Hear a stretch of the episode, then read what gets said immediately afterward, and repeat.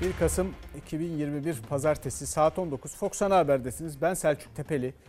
Efendim bugün bir cenazemiz vardı yine Irak'ın kuzeyinde PKK'lı teröristlerle çıkan çatışmada şehit olan sözleşmeli piyadeli er İslam çiftçi Kahramanmaraş'ta memleketinde defnedildi. Şehidimize Allah'tan rahmet, yakınlarına ve milletimize başsağlığı diliyoruz. Allahu Ekber. Irak'ın kuzeyinde PKK'lı teröristlerle çıkan çatışmada şehit olmuştu. Piyade sözleşmeli er İslam çiftçi memleketi Kahramanmaraş'ta son yolculuğuna uğurlandı. 24 yaşındaki piyade sözleşmeli er İslam çiftçi Irak'ın kuzeyinde PKK'lı teröristlerle girilen çatışmada ağır yaralandı. Derecik Sahra Sığıya Hastanesi'ne kaldırılan kahraman asker tüm çabalara karşın kurtarılamadı. Şehit asker için ilk tören Hakkari Dağ ve Komando Tugay Komutanlığındaydı. Bir hafta içerisinde dördüncü şehidimizin hüznüyle sana yalvarıyoruz.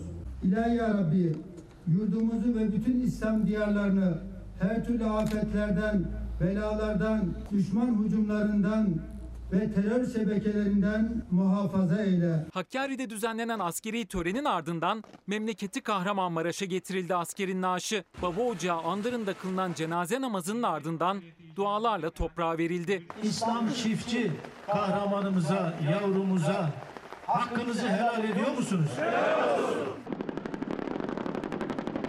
Şehit asker sonsuzluğa uğurlanırken silah arkadaşları da teröristlere göz açtırmıyordu. Milli Savunma Bakanlığı'ndan yapılan açıklamada Ekim ayında yurt içi ve sınır ötesine düzenlenen 27 operasyonda 279 teröristin etkisiz hale getirildiği belirtildi.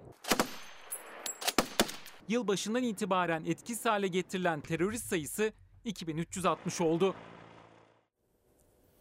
İtalya'da Roma'da biliyorsunuz bir G20 zirvesi vardı. Ekonomisi en büyük 20 ülkeden bahsediyoruz. Gerçi IMF'in öngörülerine göre önümüzdeki yıl biz G20'den G21'e yani G21 diye bir şey yok. 20'nin dışına çıkıyoruz milli gelirimizle. Sonra da 22'ye düşüyoruz hatta. IMF böyle diyor. Bu zirvede önemli konular vardı, önemli başlıklar vardı. Bunlardan bir tanesi F-35 üretiminden ve hazır uçakların tesliminden vazgeçen Amerika ve bu F-35 savaş uçağını üreten grup bizi attılar buradan biliyorsunuz. Bunlar konuşulacaktı ama e, Cumhurbaşkanı Erdoğan zirveden sonra basın toplantısı yaptı. Orada F-35'ten sonrasında da Türkiye'de yetkililer hatta bakıyorum televizyonlarda uzmanlar filan bahseden yok. Efendim e, anlaşılan e, biz bu projeden atılmayı kabullenmişiz. Öyle görünüyor. F-35'ten kaynaklanan bizim 1 milyar 400 milyon dolar bir ödememiz vardı. Biz bu süreci nasıl iyi bir konuma taşırız? Bunun üzerinde durduk. Daha çok F-16'ların elimizdekilerin modernizasyonu veyahut da yeni F-16'lar verilmesi konusu gündemimize geldi. Cumhurbaşkanı Erdoğan, Biden'ın F-16 konusuna olumlu baktığını belirtti. Yeni hava savunma sistemi alımı için İtalya ve Fransa'yı işaret etti. Washington'ın teröristlere verdiği destekten duyulan üzüntüyü Amerika Başkanı'na ilettiğini söyledi. Suriye'de bulunan bu terör örgütleri PKK, PYD, YPG gibi bunların özellikle Amerika'dan aldıkları destekler konusunda kendilerine bu desteklerle ilgili üzüntüleri ifade ettik. Cumhurbaşkanı Erdoğan, Amerika Başkanı Biden'la 5 ay içinde ikinci yüz yüze görüşmeyi İtalya'da yaptı. En önemli konu başlıklarından biri F-35 kriziydi. Rusya'dan S-400 alımı sonrası Amerika Türkiye'yi F-35 programından çıkardı. Teslim etmesi gereken 6 uçağı vermedi. F-35 olmayınca Ankara ödenen 1 milyar 400 milyon dolar karşılığı F-16 tedarikini gündeme aldı. Erdoğan konuyu Biden'la yaptığı görüşmede bir kez daha gündeme getirdi. Bu ödemeden hareketle biz bu süreci nasıl iyi bir konuma taşırız? Bunun üzerinde durduk. Bunun üzerinde de daha çok F-16'lar gündeme geldi. Sayın Biden'ın ben olumlu yaklaşımını gördüğüm gibi olayın bir diğer boyutu da temsilciler meclisi olsun, senato olsun bunlar. Dedik ki artık her iki tarafta da sizin ağırlığınız var. Biz sizden gerekli bu noktada ihtimamı bekliyoruz. Cumhurbaşkanı Erdoğan, Biden'ın F-16 konusunda kısa sürede netice alamayabiliriz dediğini söyledi. Cumhurbaşkanı bu süreçte Türkiye'nin elindeki F-16'ların modernize edileceğini belirtti. S-400 sonrası Amerika ile yaşanan F-35 krizine Milli Savunma Bakanlığı'ndan da açıklama geldi. Biz pozisyonumuzu ortaya koyduk. Birinci olarak F-35 programına geri dönme, ikinci olarak tahsis edilen uçakların teslim edilmesi, eğer bunlar olmuyorsa ödediğimiz paraların iadesi şeklinde bir görüşümüz var. Bu kapsamda görüşmeler devam edecek. Basın bilgilendirme toplantısı sonrası konuşan bakanlık kaynakları Pentagon'la F-35 görüşmelerinin ikincisinin Washington'da yapılacağını söyledi. Ankara'nın S-400 duruşunda ise değişiklik olmadığını belirtti. İki lider arasındaki bir başka önemli başlık Washington'ın Suriye'de terör örgütü YPG PKK'ya verdiği destekti. Terör örgütleri PKK, PYD, YPG gibi bunların özellikle Amerika'dan aldıkları desteklere yönelik NATO üyesi ülkeler olarak bizde meydana getirdiği üzüntüleri ifade ettik. Erdoğan Suriye'ye yeni bir sınır ötesi harekat hakkındaysa dönüş yolunda konuştu. Operasyonun yapılması gerektiği zamanda tabii ki operasyon yapılır. Ondan geri adım atılmaz. Eğer karşımızda bir terör örgütü olan PKK, PYD, YPG varsa ne gerekiyorsa biz bunu yaparız. Bundan da taviz vermeyiz. Cumhurbaşkanı Erdoğan, Birleşmiş Milletler Genel Kurulu için gittiği Amerika'da Rusya'dan ikinci S-400 alınabileceğini söylemişti. Roma'da G20 zirvesi sonrası konuşan Cumhurbaşkanı, yeni hava savunma sistemi için Avrupa'yı işaret etti. Bundan sonraki süreçte de başta savunma sanayi olmak üzere SAMTI konusunda Fransa, İtalya, Türkiye üçlüsü olarak bu konuda olumlu adımlar atacağız. Efendim bugün ne dedik? Bugün karşılığı yok dedik. Hashtagimizde, tabelamızda, etiketimizde. Şimdi karşılığı yoka da hemen bir şey söylemek istiyorum. Bu ülke bir esnaf ülkesi. Pazarlık etmeyi bilen insanların ülkesi. Onları temsil etmek üzere dünyada bu tür ortamlarda bulunan e, bu ülkenin e, siyasileri, bürokratları nasıl pazarlık ediyorlar? Ne olur bu ülkenin esnafı pazarlık etmeyi bilen insanı bir değerlendirsin. Mesela biraz önce Milli Savunma Bakanlığı'nın 3 aşamalı pazarlık stratejisini izlediniz değil mi? İşte ben size kısaca anlatayım işte F-35 projesine geri dönmek. Olmazsa F-16'ların onun yerine verilmesi, olmazsa paramızın geri verilmesi. Yani bu şu demek, bu kaza pazarlık ediyorsunuz biriyle. Müşteriye diyorsunuz ki bu kaza alırsan 10 liraya veriyorum, almazsan 7 lira, o da olmazsa 5 lira diyorsunuz. Üçünü birden söylüyorsunuz. Kaça satıyorsunuz peki sonunda o kaza? Karşınızdaki ne diyecek size? Kendisi için en uygun olanını seçecek ve siz de sanki o pazarlıktan galip çıkmış gibi gelip burada bu ülkenin insanlarını anlatacaksınız. Şimdi Türkiye bu kaç kez söyledim, söylemeye devam ediyorum. Kimse de bahsetmiyor. Hatta şöyle başlıklar görüyorum. Efendim kimi televizyonlarda filan F-16 krizi çözülüyor mu? Ya Türkiye'nin bir F-16 krizi yok ki Amerika ile. Türkiye içinde bulunduğu ve dünyanın en gelişmiş ülkeleri arasında yer almasını sağlayan sağlayacak bir projede F-35 denen bir savaş uçağı projesi ki bakın şu uçağın fotoğrafı gerçek. Üstündeki Türk bayrağı da gerçek. Türkiye bu uçağın en başından fabrikasının kuruluşundan içinde proje olarak bu iktidardan önce girdi Türkiye bu ülke. Bu ülkenin yetkilileri bunu yaptı. 900 parçasını üretiyor. Birkaç bin insana, nitelikli insana iş sağlıyordu. Ve Türkiye'ye 10 ila 20 milyar dolar arası bir geliri vardı. Ve bu uçaklardan 100 tane alacaktı Türkiye. Kontenjanı buydu ilk aşamada. Şimdi efendim biz 1 milyar 400 milyon dolar vermişiz. Onu geri alacakmışız filan. Yahu bizim zararımız bu değil. Çok daha fazlası. Bakın o en gelişmiş ülkelerin savunma standartlarından bizi ittiler. Ki bu hayattaki her şeyi ilgilendiriyor. Sizin zenginlik, dünyada sözünüzün geçip geçmemesi, sizin ne kadar demokratik olup olmadığınıza dair itina, ürünleriniz, şununuz, bununuz, itibarınız, her şeyiniz yani. Şimdi bu bölgede sadece İsrail kullanıyor bu uçakları. Yarın öbür gün razı gelmişiz ya biz çıkartılıyoruz buradan. Ya mesele ne olduğu da değil. Böyle bir projeden paçalı güvercin ürettiğinizi düşünelim. 20 senenizi vermişsiniz. Niye çıkıyorsunuz? Nasıl çıkartırlar sizi? Efendim bir işte S-400 bir füze alındı. O füzede 300 kilometre bir yer koruyor. 2-3 gün çalışsa füzeleri bitiyor Rusya'dan tekrar almak zorundasınız. Tek cıvatasını sıkmıyorsunuz. Bakın bunun 900 parçasını üretiyordu Türkiye. Onun yerine de şimdi ne koyacaklarmış? İşte İtalya'dan, Fransa'dan bir başka şey. O daha da kısa mesafeli bir savunma. Yani biz şimdi gene milletin vergisiyle, parasıyla İtalya'ya, Fransa'ya, NATO'ya bahşiş vererek diplomasi yapacağız. Ya bu kadar pahalı diplomasi olur mu? Diplomasi bu kadar pahalı olduktan sonra hepimiz yaparız bunu. Parasıyla değil mi? Bu nasıl pazarlık? Ve biz bakın buradan dışlandık ve herkes bunu kabulleniyor. Bu inanılır gibi bir şey değil. Bu şöyle düşünün dokunmatik telefona geçiyor dünya. Siz de onların arasındasınız. Fabrikasının kurucususunuz ve baştan daha içindesiniz temelden.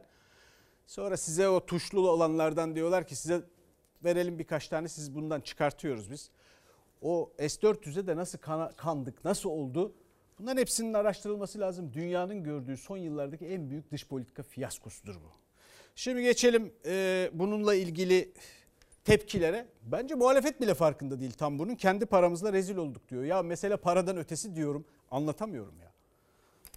Parayı verdik. Malı aramıyoruz. Karşılığında aldığımız S-400'ü kullanamıyoruz. Bunun adı da dünya lideri Erdoğan. F-16'yı talep etmeniz F-35'lerden çekilmeniz demektir. Cumhurbaşkanı Erdoğan Biden'la 1 milyar 400 milyon dolar ödeme yapıldığı halde verilmeyen F-35'ler yerine F-16'ları müzakere ettiklerini anlatırken umutlu konuştu. Muhalefet F-35'ten vazgeçilip F-16 pazarlığına girildi görüşünde. İsmail Küçükkaya ile Çalar Saat'e katılan Özgür Özel ise kendi paramızla rezil olduk dedi. F-35'imi versene kardeşim diyeceğine F-35 vermiyorsan F-16'lar mı yenileyip birkaç tane de yeni F-16 verir misin demiş. Bizimki karşı tarafta olabilir düşünelim zorlu tarafları var demiş. Kötüyüz. Kendi paramızla rezil olduk. F-35 uzun vadeli bir teknoloji transfer projesidir. Ceket olmadı pantolon alalım gibi bir model içerisinde tanımlamak son derece yanlıştır. Roma dönüşü uçakta konuşan Erdoğan F-16'lar için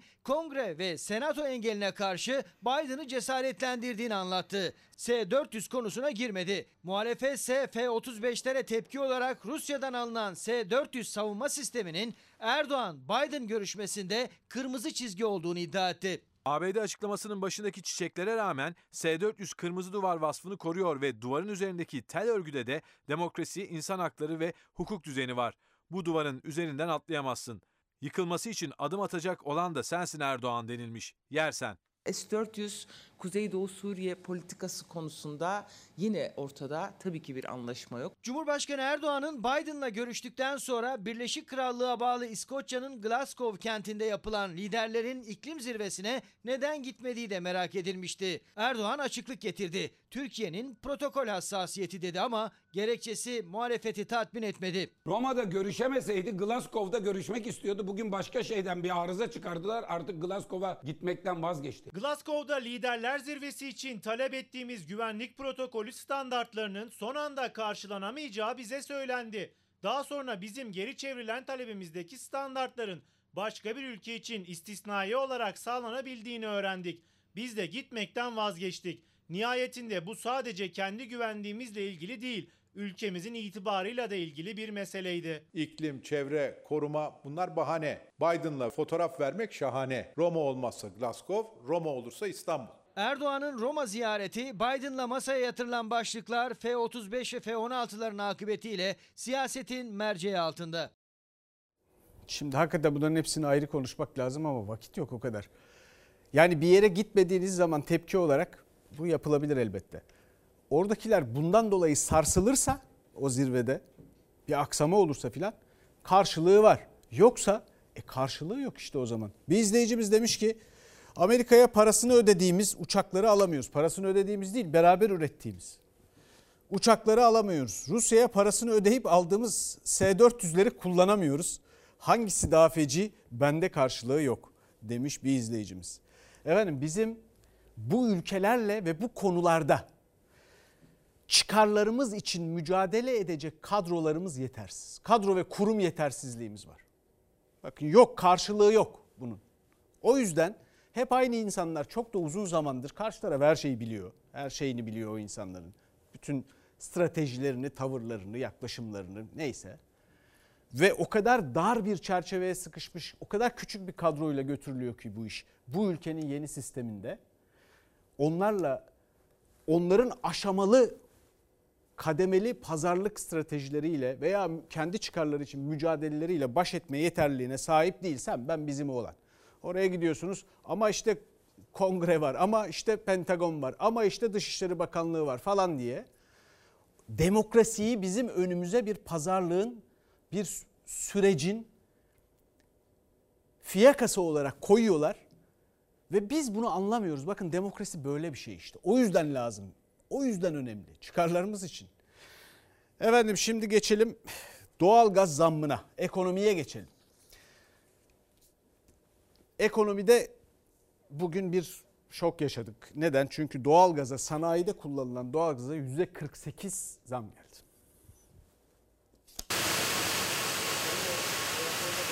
Sanayici de yarınla ilgili ne yapacağını bilmez durumda.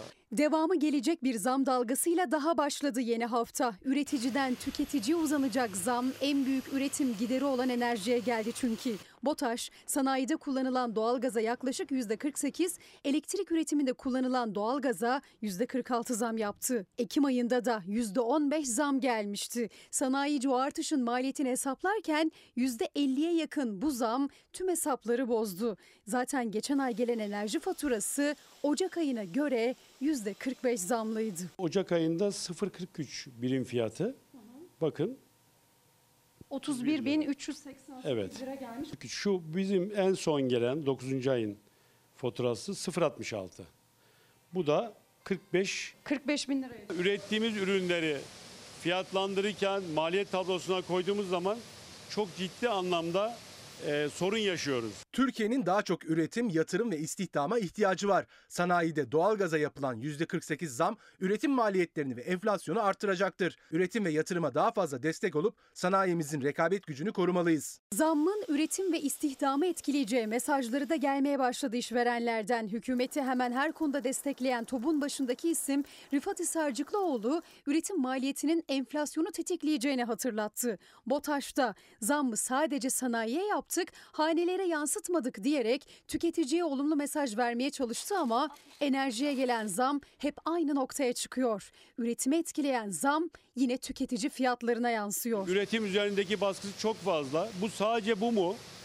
Ana maddede öyle. Pamuk gibi maalesef ithal eder hale geldik. Çin'den sonra en çok çorap üreten ülkeyiz. Dünyaya satan ülkeyiz. Ama bunun karşısında imalatlardaki artışlar ciddi anlamda e, dünyadaki rekabet alanında çok ciddi problemler yaratıyor. %48'lik zam hanelere henüz girmedi ama sanayicinin belini büktü. Sanayici demekse üretim demek. Üretici fiyatları tüketicinin satın aldığı malın fiyatını etkiliyor. Yani ne mecaz ne de benzetme. Bulunduğumuz yere bakılınca da enerji fiyatları iğneden ipliğe zam demek. Sadece kara kışta ısınmak için kullandığımız doğalgazın fiyatını etkilemiyor enerji fiyatları.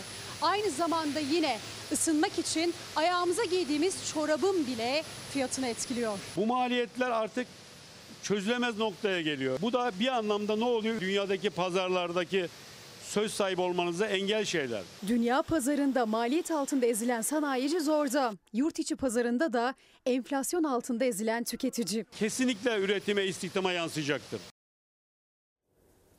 Şimdi bir de şuna bakalım. Son iki ayda ne kadar zamlanmış bu? Bunlar böyle parça parça geliyor haberlere konu oluyor ama bir de büyük resme bakalım. Son iki ay. Daha öncesinden bahsetmiyorum. 1 Ekim 2021 %15 sanayideki doğalgaza. 1 Kasım 2021 %48 toplamı orada zam geldiği için %48 biraz daha fazla etki ediyor tabii. Toplamı %65 son 2 ayda. Bütün bunlar oralarda üretilen her şeye pazarda, çarşıda yansıyor işte. Sözde de yansımıyordu. Hani sözde yansı, yansıtılmıyor ya öyle söylüyorlar. Efendim e, siyaset bununla ilgili bir tartışma içinde elbette. Enerji Bakanı diyor ki yansıtmıyoruz. Muhalefet de diyor ki enflasyonu bu durum daha da arttıracak. Sanayide doğalgaz tarifesi bu yıl içinde %115, elektrik üretim santralleri tarifesi ise %148 oranında zamlanmış oldu. Dünya genelinde petrol, doğalgaz, kömür, elektrik ve benzeri enerji emtia fiyatlarında önemli artışlar yaşanmıştır. Bu zamlar vatandaşın sofrasındaki ekmeğinden tuzuna, iğneden ipliğe fahiş fiyat artışının temel nedenleridir. Şekere %50 zam geleceği yazılıp çiziliyor. Sıvı yağ, sıvı altın oldu. Muhalefet sanayide son olarak %48 ama yıl içinde %115'i bulan doğalgaz zammını ve tüketiciye yansımasını Enerji Bakanı Fatih Dönmezse dünyanın durumunu anlattı. Eylül ayı itibariyle Avrupa'da vatandaşlarına en ucuz doğalgaz sunan ülke Türkiye olup elektrikte ise Ukrayna ve Sırbistan'dan sonra en ucuz üçüncü ülke konumundayız. Fransa doğalgaz kullanım bedelini sabitleyeceğini açıkladı. İtalya bu kış aylarında halkın doğalgaz faturalarının devlet tarafından karşılanacağını açıkladı. Almanya enerji faturalarındaki vergi yükünü aşağıya çekme kararı aldı. İktidara göre enerji fiyatları dünyada artıyor. Özellikle Avrupa ülkeleri zor durumda, kara kış kapıda. Muhalefet de Avrupa ülkelerinin vatandaşlarını korumak için aldığı önlemleri tek tek sıraladı. Belçika halkın enerji faturalarını hafifletmek için 760 milyon avroluk bir paket açıkladı. Çekya enerji üzerinden alınan vergileri sıfırladı. Şok artışlara karşı vatandaşlarımızı korumak amacıyla maliyetin yaklaşık yarısı devletimiz tarafından üstlenilmektedir. Akılları sıra konutlarda kullanılan doğalgaza zam yapmadık diyecekler. Oysa sanayide kullanılan doğalgaza yapılan %48 zam mı sanayici ürettiği tüm ürünlere yansıtacak. 16 kiloluk bir gaz tüpünün 116 liradan 160 liraya çıkması dar gelirlilere nasıl bir yük getirdiğinin göstergesidir. Muhalefet sanayide yapılan zam üretim maliyetini dolayısıyla da gıdadan giyime faturalara her şeyi arttıracak ve yine tüketicinin cebi yanacak diyerek tepki gösterdi. Çözümü bulmak yine genel başkanımıza düştü. Enerji sektörü temsilcileriyle oturdu görüştü. Kış boyunca elektrik faturalarındaki KDV ve TRT fonunun kaldırılmasını, doğalgaz ve mutfak tüpündeki ÖTV ve KDV'nin kaldırılmasını önerdi. LPG'ye 48 kuruş daha zam yolda. Doğalgaza %48 zam yapıp yükü sanayiye yıktılar. Biliyorlar ki sanayici bunu ürünlere yansıtmaya mecbur. Sonra gelsin marketlere yaptıkları gibi sanayicilere de karalamalar. Herkes suçlu, bunlar ak kaşık. Elektrik fiyatlarına da eli kulağında bir zam beklenmekte. Yeter artık. Ey gözleri Biden'a gülen şahsım, milletimizin dertlerinden tümden habersizsin. Ne zaman bu ülkeyle ilgilenmeyi düşünüyorsun? Doğalgaza yüzde 89 zam yapıldı ya. Doğalgaza zam mı yapan kim? Benim ben. Deva Partisi %48'lik doğalgaz zammını bir kliple gündeme taşıdı. Mecliste de Enerji ve Tabi Kaynaklar Bakanlığı'nın bütçesi görüşüldü. İyi Partili Erhan Usta dağıtım şirketlerine devletin cebinden çıkan para 8 milyardan neden 25 milyara yükseltildi diye sordu. Hemen bir izleyicimiz emeğimizin çabamızın karşılığı yok 11 aydır alım yok sağlıkçılar alım bekliyor atama bekliyor diyor. EYT'liler olarak en az 30 yıllık emeğe 22 yıl beklememize rağmen hala karşılığı yok demiş. Efendim biz de şimdi emekçilerden bahsedeceğiz. Asgari ücret, asgari ücrette yaşamanın imkanı yok. Yani 2825 liraya hayatta yapmak zorunda olduğunuz şeylerden ancak birini yapabiliyorsunuz. Isınma, eğitim, kira filan bunlardan mesela karnınızı doyuracaksınız, beslenme filan mümkün değil. Öte yanda işveren de kendilerine maliyetinin çok yüksek olduğundan şikayetçi. Bir asgari ücret çıkmazı var. Asgari ücret Çin'in altına indi. En azından insani bir şekilde yaşama seviyesine getireceğiz. AK Parti'den ard arda geldi asgari ücrete zam mesajı. Milyonlarca çalışan gibi işverenin de gözü bu habere çevrildi. Çünkü vergi yükümüz çok diyor işveren. Şu anda 3577 lira olan brüt ücretin işverene maliyeti 4300 lira civarında. İşverene kalem kalem artan vergiyle 4300 lira maliyeti. Asgari ücretlinin cebine girense 2825 lira. 2825 lira. Arada 1550 liralık bir fark var. Bu 1550 liralık fark işveren tarafından asgari ücretlinin devlete SGK primi ve muhtasar olarak ödenen kısım. Bu vergi çalışanın cebine girsin diyor patron. Asgari ücret zamlanacaksa devlet vergiden fedakarlık etsin istiyor. 804 lira civarında bir gelir vergisi ödüyoruz. Artı yine bu 3577 lira üzerinden %22,5 SGK primi işveren katkı payını ödüyoruz. Bizim yaptığımız fedakarlığın devletin de yapması gerekiyor. İsmail Faruk Aksu, MHP'li milletvekilimiz asgari ücretten vergi kaldırılmalıdır demiş. İsmail Küçükkaya ile Çalar Saat'e konuk olan CHP'li Özgür Özel, iktidar ortağı MHP'nin de asgari ücretin vergiden muaf olunmasını dillendirdiğini söyledi. Meclise getirin, hemen destek olalım dedi. MHP kanun teklifini versin, iki elimizle oy vereceğiz. Bir tane kaldırmayacağız. Asgari ücretten vergi alınmayarak mı bir artış yapılacak? Formül tartışılırken hükümet ve işverenle masaya işçiyi temsilen oturan Türk İş'ten de dikkat çeken bir çıkış geldi. 45 yıldır asgari ücret belirleniyor. Bu yıl 45 yıla bedel bir yıl olacak. İşçi gözünü vaat edilen insanca yaşatacak rakama çevirirken iktidar ve muhalefette asgari ücret üzerinden karşı karşıya geldi. Bunun yanı sıra insanların beklentisi olan her ne varsa EYT'de dahil olmak üzere 3600 ek gösterge bütün bunların çözülmesi gerekiyor. Depresyonun en hızlı arttığı Avrupa'daki ülke Türkiye birinci olmuşuz. Vatandaşımızın bir an önce rahata ermesi için bunların yapılması şart. Yine bu problemleri çözecek olan AK Parti'dir. Şahsım hükümeti bunları yapamaz. Metal yorgunu, çoklu organ yetmezliğiyle malul, enerjisi bitmiş, sandığı görecek mecali kalmamış. Peşimize takılmışlar, bizi taklit ediyorlar. Milletimize söz, bunlara çözüm bulamazlarsa ilk sandıktan sonra biz bütün bu sorunların hepsini çözeceğiz. Efendim AK Parti Afyonkarahisar Milletvekili Ali Özkaya dedi ki elinizi vicdanınıza koyun. Akaryakıt fiyatlarının çok artmadığını göreceksiniz. Şimdi söylediğine kendi inandı mı inanmadı mı bu haberi izleyin ve haber sırasında bunu söylediğinde Ali Özkaya yanındakilerin ona nasıl baktığına ne olur dikkat edin. Araçlarımızı bile kullanmaya cesaret edemiyoruz. Akaryakıtlı arkadaşlar makbul olmak, vicdanımıza elimizi vicdanımıza koyarsak çok artış yok. Çiftçi yüksek akaryakıt fiyatlarından dolayı traktörünü bile çalıştırmaya cesaret edemezken AK Parti Afyonkarahisar Milletvekili Ali Özkaya'nın bu sözlerine diğer AK Partililer de şaşırmış olmalı ki masadaki herkesin bakışı bir anda kürsüye çevrildi. Dünya genelindeki fiyat artışlarını örnek göstererek elinizi vicdanınıza koyun çağrısı yapan AK Partili vekile hem çiftçiden hem muhalefetten tepki gecikmedi. Koyarsak çok artış yok.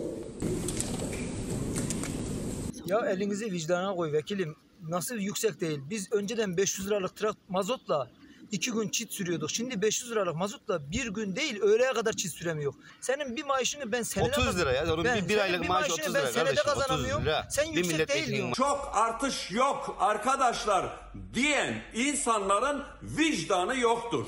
Baksınlar çiftçinin neler yaşadığını, traktörüne mazot almak için neler çektiğini anlarlar. Akaryakıta üst üste gelen zamları karşılamaya gücü yetmiyor artık çiftçinin. Dövizdeki artış tüm maliyetlerini daha da arttırdı. En temel ihtiyacı olan gübre bile 16 ayda tam 31 defa zamlandı. AK Partili vekil bu konuda da çiftçiye dikkat çeken bir çözüm önerisi sundu. Gerekirse borçlanın ama yeter ki üretin çağrısı yaptı. Bütün kardeşlerimiz, çiftçilerimiz lütfen üretmeye devam etsinler. Tarım krediden gerekiyorsa borçlansınlar. Ziraat Bankası'ndan borçlansınlar. Üretin gerisine karışman dedi. Gerisi böyle oldu bak. Biz ektiğimiz tallaları çekerse bak. şöyle. Bu tarla şu an traktörler gitti. Adam ekemedi. böyle sürüldü duruyor. Tarım Kredi Kooperatifine borcunu ödeyemediği için bugün Türkiye'nin dört bir yanında binlerce çiftçi zor durumda. Amasya'nın Damudere köyündeki çiftçilerin neredeyse hepsinin malına haciz geldi. Bu faizlerin yüksekliğinden dolayı 40 milyar borcu olanın 200 milyar borcu olmuş. Nasıl olduğunu dahi anlayamadık. Şu anda traktörlerimize el koymaya başladılar. E, haciz ediyorlar. Neymiş? Tarım krediye borcumuzu ödeyemedik. Ya nasıl ödeye? Faizler olmuş %48'lerinden çalışıyor. Benim çocuğumu okutmaya cebimde param kalmamış. Emin Yeşilbudaksa Adana Yüreğir'in Cırık köyünde çiftçilik yapıyor. Tarım Kredi Kooperatifinden 2020 yılında kullandığı kredi borcunun yarısını ödeyemediği için bugün icralık. Dosyalarımız avukata gitmiş, icraya vermiştir avukat. Araçlarımız hacizli oldu.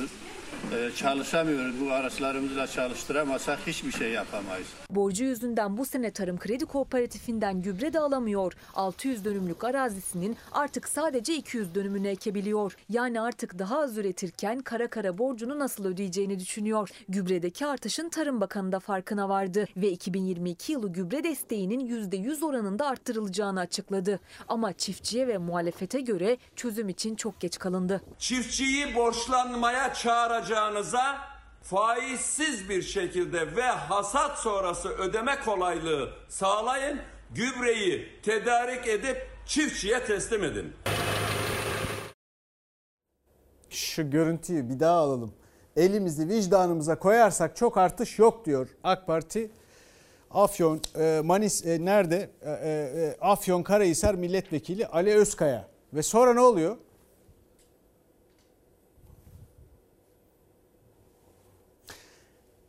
Vicdana koyacaklar da ellerini vicdan o vicdan nerede onu arıyorlar anladığım kadarıyla. Ellerini koymak için vicdanın yerini arıyorlar. Efendim Nazlı Yere Basmaz'la e, benim hikayem Manisa'da zeytin üreticisinin dertlerini dinledi Nazlı. E, ve bu arada da önemli bir talep yükseldi oradan. Ne o? Şu KDV'yi yüzde bire indirin zeytinyağında. Böyle giriyorsun ağacın içerisine. Ondan sonra da çekiyorsun. Böyle tek tek elle mi? Tabii ki. O yüzden emeği ne kadar çok. Bizim hikayemizde şöyle bir şey vardır. Zeytin duası vardır. Ölümsüzlüğü gibi sizlerin bizim yaşları uzun olsun. Zeytinyağı gibi sağlıklı olsun. Zeytin tanesi gibi de işlerimiz bereketli olsun. Bereket dualarıyla hasat başladı Ege'de. Zeytin ağaçları ve ağır maliyetlerin gölgesi altında erken hasat taneler toplanırken Marmara'dan da fiyat açıklaması geldi. Geçen yıl ortalama 5,5 liraya satılan yağlık zeytin fiyatı 7 lira olarak açıklandı. Üst üste maliyetlerinizi koyduğunuzda çok büyük bir karlılık yok. Girdi maliyetlerimizin hepsi yükselmeye başladı. Önümüzdeki zamanda eğer döviz kuru daha da yükselecekse nerelere çıkacağını biz de bilmiyoruz. Akaryakıt artı gübreye önceden hiç maliyet sınıfına almazdık. En büyük maliyet bizim toplama maliyetidir. Gene öyle ama şu an akaryakıt ve gübreleme ve ilaç maliyetlerimiz çok yüksek. Üretici kar zarar dengesi aklında ürünlerini toplarken ilk hasat zeytinlerde fabrikaya sıkıma gitti. Erken hasat soğuk sıkım tesislerin hepsi tam faal şekilde çalışıyor. Üretim başladı. Şimdi dalından yeni koparılmış zeytinleri makinaya böyle bismillah deyip Alper Bey bunlar yağ olacak. Sonra Evet. Önce zeytinlerimizi sıkacağız, yağ olacak. Sonra da pazarlara göndereceğiz. Manisa Akisar'da Türkiye'nin en büyük zeytinyağı dolum tesisindeyiz. Sadece bu makinede bir saatte 14 bin şişe zeytinyağı dolumu yapılıyor. Üretim hızlı. Bu yıl rekolte de bol ve dünyadan da rekor miktarda ihracat talebi var. Ama sanayicinin ve üreticinin asıl isteği önce kendi vatandaşının zeytinyağı tüketmesi. Bunun için de KDV'de indirim talepleri var. 400 bin üreticinin olduğu bir şey, ülkede yaşıyoruz. 400 bin ülkedeki insanla 80 milyon insanı mutlu etmek için çok küçük noktalara ihtiyacımız var. Bu kadar bütün sıvı yağlarda, ithal gelen yağlarda destek ve indirim yapılırken bizim sektörümüzdeki KDV'nin 8'den 1'e indirilmesi. Türkiye zeytinyağı üretiminde dünyada ilk 5 ülke arasında. Ama söz konusu tüketim olduğunda yıllık kişi başına 1.2 kilo tüketimle üretici konumundaki ülkelerin çok gerisinde kalıyor.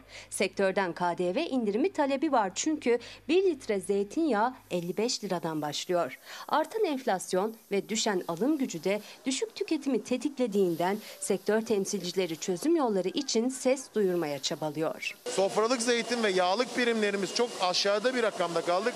Bunun da acilen 2-3 kat artırılması gerekiyor ki burada çiftçi kısmını destekleyelim. KDV'yi indirdiğimizde de tüketiciyi desteklemiş olacağız. İşte bir ülkenin itibarı. O itibar buradan başlar. Kendi zenginliğimiz. Dünyanın en iyi zeytinyağlarını üreteceğiz. Üretiyoruz. Ama kendimiz, kendi insanımız bunu yeterince kullanamıyor. Sağlık için çok önemli. Biz yeterince Türk insanı, Türk milleti yeterince beslenemiyor. Bizden aldıkları ucuz ucuz, Türk lirası ucuz ya. Zeytinyağlarını onlar paketliyorlar. Kendi vatandaşları 12-15 kilo tüketiyor. Biz 15'te biri kadar tüketebiliyoruz. Şimdi bir de teleferik tartışması var. Siyasette şu anda Afyonkarahisar'a yapılacak yolcu garantili bir teleferik sistemi var. Şimdi teleferiye niye yolcu garantisi? Onun karşılığı yok.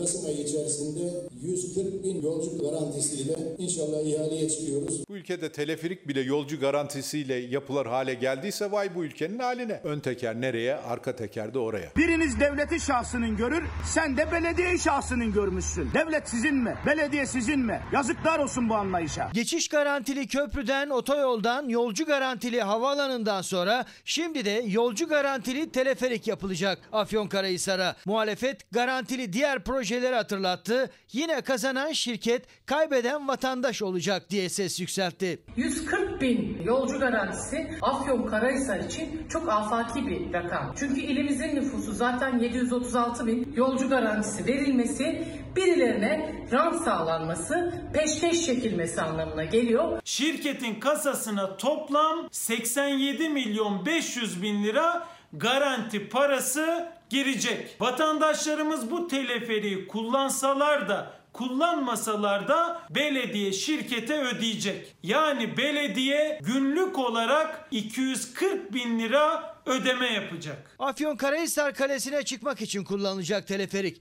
Belediye Başkanı Mehmet Zeybek yolcu garantili teleferik için yükselen eleştirilere kendi yaptığı hesapla karşı çıktı. Biz 15 yıllık garanti veriyoruz. Bir yolcu bedeli 25 lira. Yaklaşık maliyetimiz 52,5 milyon. 140 bin çarpı 25 dediğimizde onu da 15 ile çarptığımızda zaten 52,5 milyon ediyor. Başkan Zeybek proje bitince muhalefeti de bindirmeyeceğim teleferiye dedi. Bir tartışmada bu sözler üzerinden çıktı. Bittikten sonra herkes binebilir ama muhalefet asla diye yazmayı düşünüyorum. 140 bin kişilik yolcu garantisi verdikten sonra mu- muhalefeti bindirse ne olur, bindirmese ne olur? O zaman sana muhalefet adına sesleniyorum. Muhalefetten milli emlak vergisi toplama. Muhalefetten su parası toplama. Muhalefetten çöp parası toplama. Yüreğin yetiyorsa muhalefetin kapısına gitme. O zaman Sayın Belediye Başkanı o teleferiği kendi paranızla yapın. 140 bin yolcu garantisinde kendi cebinizden ödeyin. Teleferik yolcu garantili ve yap işlet devlet modelli olunca muhalefet geçmiş projeleri de hatırlattı. Kamunun uğradığı zarara dikkat çekerek. Osman Gazi Köprüsü'nün hizmete açıldığı ve kamuya devredileceği tarihe kadar verilen toplam garanti araç sayısı 278 milyon. Yapım maliyeti 1 milyar 300 milyon dolar. Şirketin kasasına girecek toplam tutar 10 milyar doların üzerinde. Yolcu garantili teleferik daha yapımı bile başlamadan siyaseti ısıttı. Bir izleyicimiz demiş ki dürüstlüğün açık ve net olmanın karşılığı yok. Hak yiyenin yanına kar kalıyor. Bıktım bundan. Daha açık nasıl ifade edilebilirdi ki? Aşı e, çocuklar için bilhassa kronik rahatsızlığı olan çocuklar için çok önemli. Ama hala 12 yaşın altına kronik rahatsızlığı olan çocuklara aşı yok. Böyle bir düzenleme yapılmadı. Bu imkanın bir an önce getirilmesi lazım. Pandeminin başından beri bu dördüncü dalga ama bu dalga fark ettiyseniz biraz farklı bir dalga. Dalgalar böyle yukarıya doğru çıkıyor, sivri bir tepe oluşturuyor sonra aşağı iniyor. Farkındaysanız bu dalganın tepesi sivri değil, yatay gidiyor. Çünkü aşılama büyük oranda salgının kontrolden çıkmasına engel. Ama neredeyse Türkiye'nin yarısı hala aşısız. Tam da bu nedenle vaka sayıları 20 binin altına düşmüyor. Her 24 saatte çoğunluğu aşısız hastalarınsa 200'den fazlası hala hayatını kaybediyor. Son verilere göre ise salgın Türkiye'de aşısız çocukların ve gençlerin hastalığı oldu. Yatmayı gerektiren ya da yoğun bakıma girmesi gereken çocuk sayımız az. E, yalnız e, çocukların aktif COVID ile temas ettiği okul hayatımıza gireli e, bir ayı biraz geçti.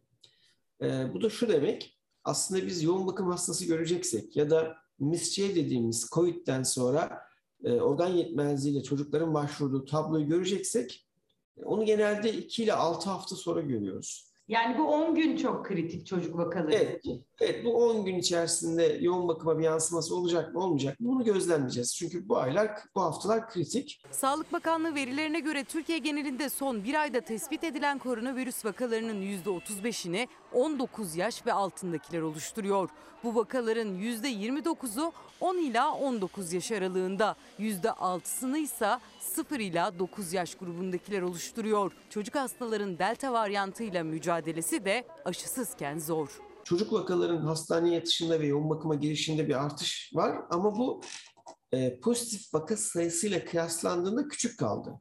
Bu bizim için iyi bir şey. Obez olan ve şeker hastalığı olan, kronik akciğer hastalığı olan çocuklar biraz bizi korkutuyor. Ağır seyreden ya da yoğun bakıma giren çocuklarımıza bakarsak genelde ilk hastalığı olan çocuklarımızın genelde yoğun bakıma girdiğini görüyoruz. Çünkü aşırı kilo ve ek hastalık hastaneye yatışlar kadar çocuk hastalarda yoğun bakım sürecini de hızlandırıyor. Bu nedenle de aşılanmaları önemli. Sağlık Bakanı Fahrettin Koca Twitter'dan okulları kapatmanın gündemde olmadığını söyledi. Bilim Kurulu üyesi Profesör Doktor Nurettin Yiğit'e göre de okullar kapanmamalı. Ama obezite ve ek hastalığı olan çocuklarda yaş sınırına bakılmaksızın aşılama yapılmalı. Gidişat şunu gösteriyor. Alt yaş gruplarında şu an için ben e, ek hastalık ve kronik hastalığı olanlar için evet bunun uygulanmasını gerektiğini düşünüyorum. Muğla'da ayrıldığı erkek tarafından vahşice öldürülen Pınar Gültekin'in davası sürüyor. Yedinci duruşma ama hala adalet aranıyor. Pınar'ın özel hayatının yargılandığı, haksız tarih savunmasına temel oluşturacak şekilde Amerika'ya yazılan müzekkerelerin bir yılda gelen müzekkerelere yine benzer şekilde müzekkere yazılacak ve biz yaklaşık bir yıl yine sonuç alamayacağımız bir e, müzekkerenin sonucunu beklemek zorunda kalacağız. Vahşice öldürülen Pınar Gültekin davasının 7. duruşmasında da acılı ailenin adalet talebi yerine gelmedi. Mahkeme heyeti öldürülen kadının cep telefonuna erişim sağlanamadığı için duruşmayı bir kez daha erteledi. Sanık tarafı ise Pınar Gültekin'in annesi hakkında duruşmadaki öfkesi nedeniyle suç duyurusunda bulundu. Ben bu adalete güvenmek istiyorum. Bir baba olarak güvenmek istiyorum. Üniversite öğrencisi 27 yaşındaki Pınar Gültekin kan donduran bir cinayete kurban gitti. Ayrıldığı erkek arkadaşı Cemal Metin Avcı tarafından Muğla'da bağ evinde vahşice öldürüldü. Kavga sonrası genç kadını öldürdüğünü itiraf eden Cemal Metin Avcı, canavarca hisle ve eziyet çektirerek öldürmek suçundan tutuklanarak cezaevine gönderildi. Sanık Cemal Metin Avcı pek çok soruda e, kaçamak cevaplar verdi. Cemal Metin Avcı'nın savunması kurgu bir savunmadır. Mahkeme telefonunu inceleyecekti ama Amerika'dan olumlu bir sonuç gelmedi. Pınar Gültekin'in telefon şifreleri de çözülemediği için heyet duruşmayı bir kez daha erteleme kararı aldı. Gültekin'in annesi Şefika Gültekin ise duruşmada İstanbul Sözleşmesi'nin geri getirilmesi için dilekçe vereceğini açıkladı. Adalet 7. duruşmada da yerini bulmadı. Mahkeme ne yazık ki e, yeniden yazmaya karar verdi. E, şifreyi yeniden istiyor.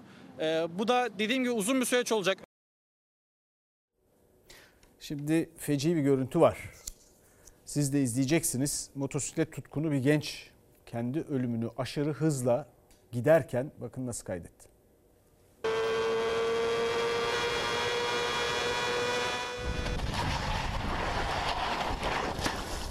Yaptığı hızı saatte 300 kilometreyi göstermek isterken kaza anını görüntüledi kas kamerası. Sürücü 28 yaşındaki Vedat A hayatını kaybetti.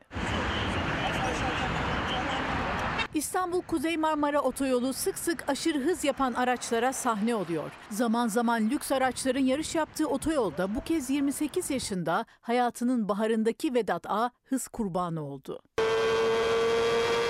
Vedat A. Kuzey Marmara Otoyolu Kemerburgaz yol ayrımı mevkinde hızla ilerliyordu. Kas kamerası vardı. Hız ibresini çekmek için başa eğikti. Hız ibresi 300'ü gösterdiğinde kafasını yukarı kaldırıp yola baktı ama direksiyon hakimiyetini kaybederek bariyerlere çarptı. Vedat A. olay yerinde hayatını kaybetti. Gazetelerin bel kemiği artık ekranlara geliyor. Orta sayfa Fox'ta açılıyor. Deneyimli gazeteciler yorum, analiz ve en sıcak kulis bilgilerini bu kez ekranlardan paylaşıyor. Artık Ankara'da olan Ankara'da kalmayacak. Meclisin odalarında, siyasi partilerin koridorlarında konuşulanlarla, diplomasinin kapalı defterlerinde yazılanlar orta sayfada olacak. Fox Haber Genel Yayın Yönetmeni Doğan Şentürk, gazeteciler Murat Yetkin, Çiğdem Toker, Nevşin Mengü ve Deniz Zeyrek'le birlikte orta sayfayı yeniden yazmaya başlıyor. Orta sayfa yakında Fox'ta. Bir izleyicimiz de demiş ki devlet öğrenci garantili yurt yapsın kardeşim. Onun karşılığı var. Hep karşılığı yok dedik. Bir de karşılığı olan bir şeyden bahsedelim. Evet şimdi bir araya gideceğiz. Aradan sonra bir dakika bölümünde birlikte olacağız. Haberlerde, siyasilerin, demeçlerinde, şurada burada birçok şey duyuyorsunuz. Hepsinin arkasında bir ama var. O amadan sonrasına bakan var mı? Burası önemli. Mesela Şimdi vergi şey e, e, gübre desteği önümüzdeki yıl için o da önümüzdeki yılın sonunda olur herhalde. Yüzde yüz artıyor. iki katına çıkacak filan deniyor işte. Böyle yeni bir haber var. Bakan açıklamış. E iyi de daha bu senenin içinde yüzde 300 ile 400 arasında zam geldi. O zamana kadar ne kadar gelecek belli değil. Hadi onun yerine doğal gübre, hayvan gübresi, hayvansal gübre kullanılsın diyelim. O kadar hayvan yok. Mesela bunu görmek için o amanın sonrasında ben size bir öneride bulunayım. Now This diye bir e, haber, sosyal medya haber portalı sitesi bir şeysi var. Ve orada Joe N. MacArthur Türkiye ile ilgisi olmaksızın bir haber yapıyor. Dünyadaki canlı hayvan trafiğini. Aylarca, günlerce, haftalarca kapalı ortamlarda taşınan hayvanların halinden bahsediyor. Bugün Dünya Vegan Günü. Bu hayvanların haline de bakın o kadar çok konteyner giriyor Türkiye sınırından Avrupa Birliği'nden Türkiye'ye doğru diyor ki kadın. Türkiye değil konusu. Demek ki Türkiye'de yeterince hayvan yok. Et ihtiyacımızı canlı hayvan ithalatıyla böyle karşılıyoruz. O yüzden hayvansal gübre de yok. Bunların açığını kapatacak alternatiflere ihtiyaç var. Bunun için fikirlere ihtiyaç var. Efendim bizden sonra yasak elma var yeni bölümüyle. Bizden bu akşamlık bu kadar. İyi akşamlar.